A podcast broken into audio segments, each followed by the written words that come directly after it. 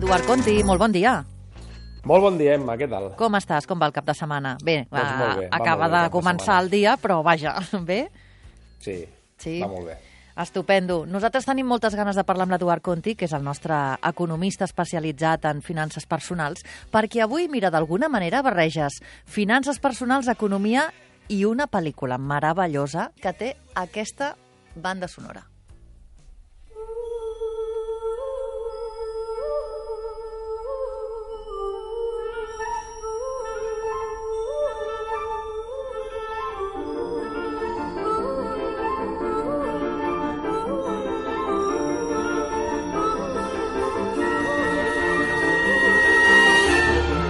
Estic intentant a veure si els oients des de casa, des del cotxe, des d'allà on siguin, a, a, diguin de què em sona, de què em sona, la vaig veure fa temps, la vaig veure fa temps. Digueu tu, Eduard, que em fa molta gràcia.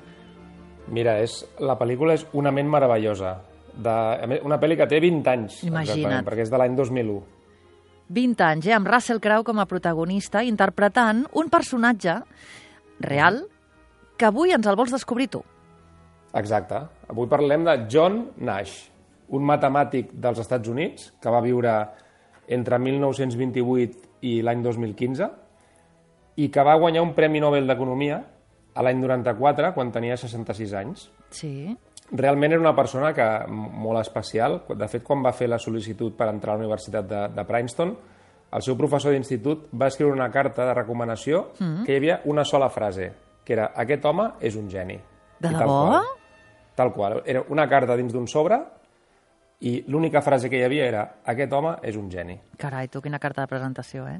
I tal qual, tal qual. Uh, després es va fer conegut pel gran públic per la pel·lícula que has esmentat, que realment Sí. és una gran pel·lícula dirigida per Ron, ha Ron Howard, amb Russell Crowe, guanyadora de l'Oscar a la millor pel·lícula de l'any 2001, o sigui, no, no una pel·lícula qualsevol, a part que és una pel·lícula... La sola banda sonora ja posa una mica la pell de gallina, Sí, està molt bé. però aquí la història també que explica la pel·lícula té que veure amb, amb, la, amb la salut mental no? de, de, Clar. de Sí, John sí, Nash. sí, als 31 anys als 31 anys va ser diagnosticat d'esquizofrènia d'es- d'esquizofrènia paranoide. Als 33 va tenir diversos ingressos en hospitals psiquiàtrics, on era medicat, rebia teràpies de xoc amb insulina, etc. Però a partir dels 42 anys va decidir deixar de medicar-se i no va tornar a ser ingressat. Això a la pel·lícula mm, no ho acaben d'explicar perquè consideren que és un mal exemple, no? que Mm, ja. en una pel·lícula una persona que voluntàriament deixa de medicar-se, però el cas és que en el, ser, en el cas de, de John Nash, ell sempre deia que li havia ajudat molt a recuperar-se la seva dona, Alicia Lardé, que era una, una dona d'origen salvadoreny, i la vida tranquil·la que va portar des d'aquell moment. Era una persona que s'estressava molt, que tenia Ja. un, una ment molt complicada, i, i bé, doncs sembla ser que aquesta sortia de la medicació i, i tenia una vida molt tranquil·la i molt calmada amb la seva dona, doncs el va, el va, el va tranquil·litzar molt. I, i al, al final de la vida va ser més... va ser dramàtic també, perquè van morir tots dos en un accident de taxi, Què quan dius? tornaven de l'aeroport. Tenien 86 i 82 anys. Ostres. I precisament tornaven de Noruega d'haver rebut un premi de reconeixement a la seva carrera. Oh, quin drama, mare meva, no ho sabia això, Mhm. veus, aquest final, pobre. I quina és la teoria més coneguda de John Nash, aquella per la qual doncs, ha, ha passat una mica la història i que ha motivat que avui ens en vulguis parlar?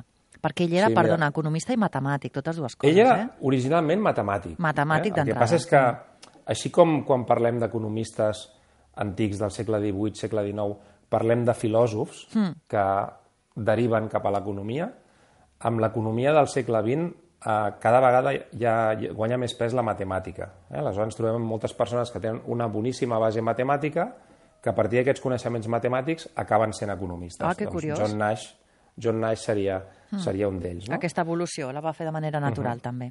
Sí. Aleshores, el, la teoria més coneguda de John Nash i per la qual va, va ser reconegut amb el Premi Nobel és, es coneix com l'equilibri de Nash. Um, l'equilibri de Nash el va escriure als 22 anys. Va ser la seva tesi doctoral. És a dir, aquest senyor als 22 anys va escriure en una tesi de 28 pàgines uh, una cosa suficientment mm, important pel món de l'economia com per mereixer el Premi Nobel 44 anys després. Imagina't. Què explica aquesta, què explica aquesta teoria? Mira, imaginem que hi ha dues parts dues parts, uh -huh. eh, que han de negociar alguna cosa. I, cada, I cadascuna de les parts pot triar entre diverses estratègies. Imaginem estratègia A, B i C. Sí. El que diu l'equilibri de Nash és que aquest equilibri es produeix quan cada part tria una estratègia, la que sigui, i cap de les dues parts considera que li pugui beneficiar un canvi d'estratègia, inclús després de conèixer l'estratègia de l'altre. Eh? Això tot això, ara et posaré exemples, eh? però tot això explicat també amb, amb fórmules matemàtiques i tal. Sí, doncs... aquest, aquest equilibri de Nash s'emmarca en el que es coneix en el món de les matemàtiques i també s'utilitza molt en l'economia com a teoria de jocs. Va, que doncs... és una disciplina... Mm. La, sí, la teoria de jocs és una disciplina matemàtica important per la teoria econòmica perquè permet teoritzar sobre el comportament dels individus quan interactuen. Això afecta les interaccions entre persones, entre empreses, entre governs, i dins de la teoria de jocs l'equilibri de Nash es considera com un joc no cooperatiu, perquè la decisió d'un, d'una de les parts, no depèn de la, de la decisió de l'altra. Moltes vegades, quan, quan, quan hem de negociar, nosaltres prenem una postura i en funció de la postura que adopta l'altra, eh, totes dues parts anem modificant l'estratègia inicial fins que, fins que arribem a un punt d'acord. Fins que hi ha un acord, clar, exacte. Exacte. El, el que demostra l'equilibri de Nash és que aquest, aquest equilibri es dona quan cap de les dues parts té cap incentiu o cap motiu per, per modificar la seva decisió inicial. Posa'ns un exemple, Eduard, perquè ho entenguem millor. Mira, l'exemple típic és el que es coneix com el dilema del presoner.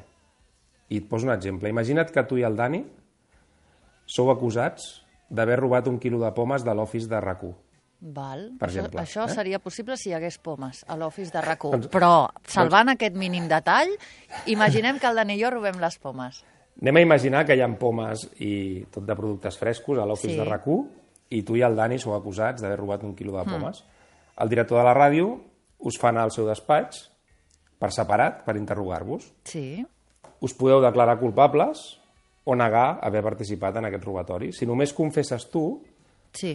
a tu et perdonen, però al Dani li fan portar com a càstig 6 quilos de pomes l'endemà. Val? Recor- Recorda que n'havíeu robat un, eh? Sí, exacte. Si els dos ho negueu, us fan portar un quilo a cadascú, perquè no s'ho acaben de creure. Eh? És com dir, bueno, ho negues, però no, com que no et crec, demà porta les pomes. Cadascú que Si porti dos el que se suposa que heu robat junts. Tu un quilo i tu també un altre quilo. Exacte. Uh -huh. En canvi, si els dos confesseu, Sí. us castiguen amb 3 quilos de pomes a cadascú. Val? Aleshores, tu, Emma, què faries? Home, confessar. Recapitulem, eh? Sí, confessar i... Confessaries. A veure, sí, és que clar, també depèn de com siguis, però dius, bueno, si m'has enganxat, doncs confesso i torno un quilo. El que no faria és Però- no confessar sabent que l'altre pringa, saps què vull dir? Clar, o sigui, seria fer-li un... fer-li la guitza al Dani. Ho hem fet junts. El que no faré és carregar-li amb ell tot el, el mort, per entendre'ns, que es diu vulgarment, saps? El que passa que tu no saps el que dirà el Dani. Ja, però també confio que serà bona persona i que confessarà igual que jo. Veig Sí, que m'estic és estic marxant jo, oi, del que no, seria no, la no, teoria, no, no, no, no, no. El, o sigui, a priori, sembla que la millor opció per tu seria no confessar Home, clar, sí, i, li, i dic que no és culpa meva i que ho ha fet l'altre, però això no és veritat. Però, però, vaja, si tu no confesses i confies en que el Dani tampoc confessi, mm. els dos sortiríeu amb el càstig mínim. Però si el Dani confessa, aleshores ell surt amb un càstig mínim, de I fet, jo de amb el fet, màxim, surt absolt, clar. i tu amb el màxim. Amb els sis quilos de pomes. clar, exacte, aleshores tu has de portar 6 quilos de pomes. En resum, al final el que passa és que la millor opció segurament és que els dos confesseu. Clar. I és Val, dir la perquè- veritat, no? Exacte. O sigui, els dos confesseu, els dos teniu, no teniu el càstig mínim, però eviteu el càstig màxim. Ah, exacte. El càstig mínim Saps? és res i el càstig màxim són sis. Doncs triem el de Sí. tornar el que hem robat, encara que sigui per duplicat. Perquè, clar, jo hauré de portar una part i el Dani la mateixa. Però aleshores això, perdona, eh? Mm, No acabo de veure què té a veure amb l'economia. Sí, però al final té que veure amb l'economia.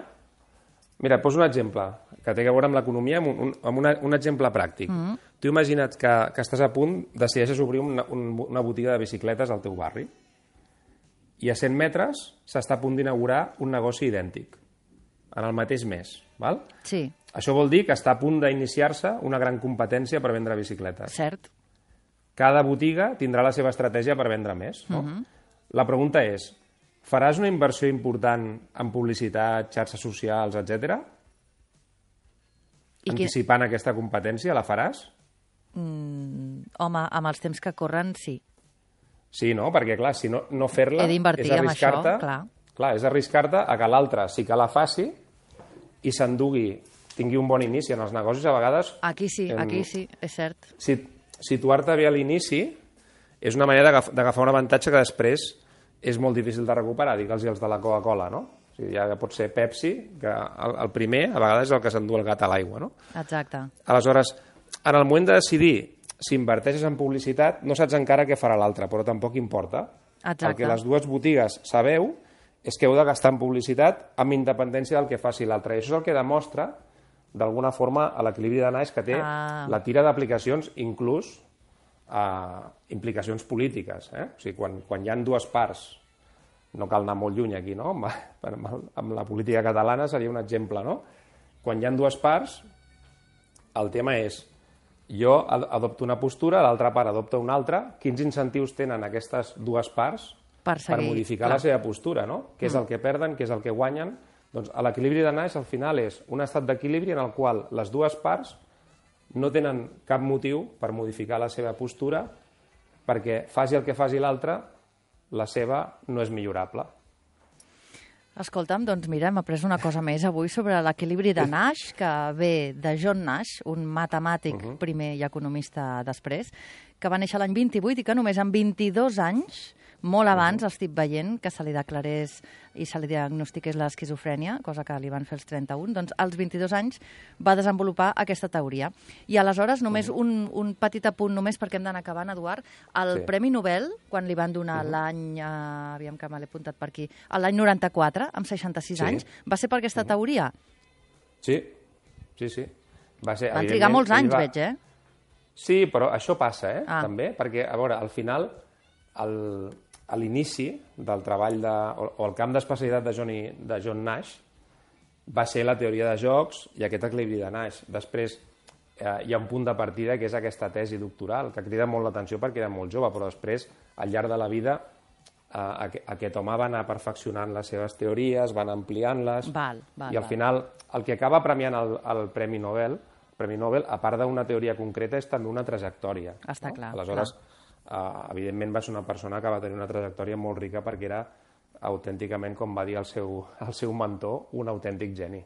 Un autèntic geni. Un autèntic profe tenim nosaltres aquí a la primera pedra, que és l'Eduard Conti, economista especialitzat en finances personals i que podeu trobar, si el necessiteu, a contieconomia.com. Eduard, moltíssimes gràcies. Avui, mira, m'han vingut ganes de revisitar aquesta pel·lícula, eh? Una mente meravellosa, amb el Russell. Crowe. Una abraçada ben gran, que passis molt bon dia i compta amb les teories aquestes dels equilibris, eh? I tant. No robis pomes. No, vosaltres també... vis- Bueno, vosaltres heu d'intentar que n'hi hagin. a Exacte, home, primer això que n'hi vida després, saludable. després ja veurem si les robem. Gràcies, Va. Eduard, una abraçada ben gran. Una abraçada. Adéu. Adéu.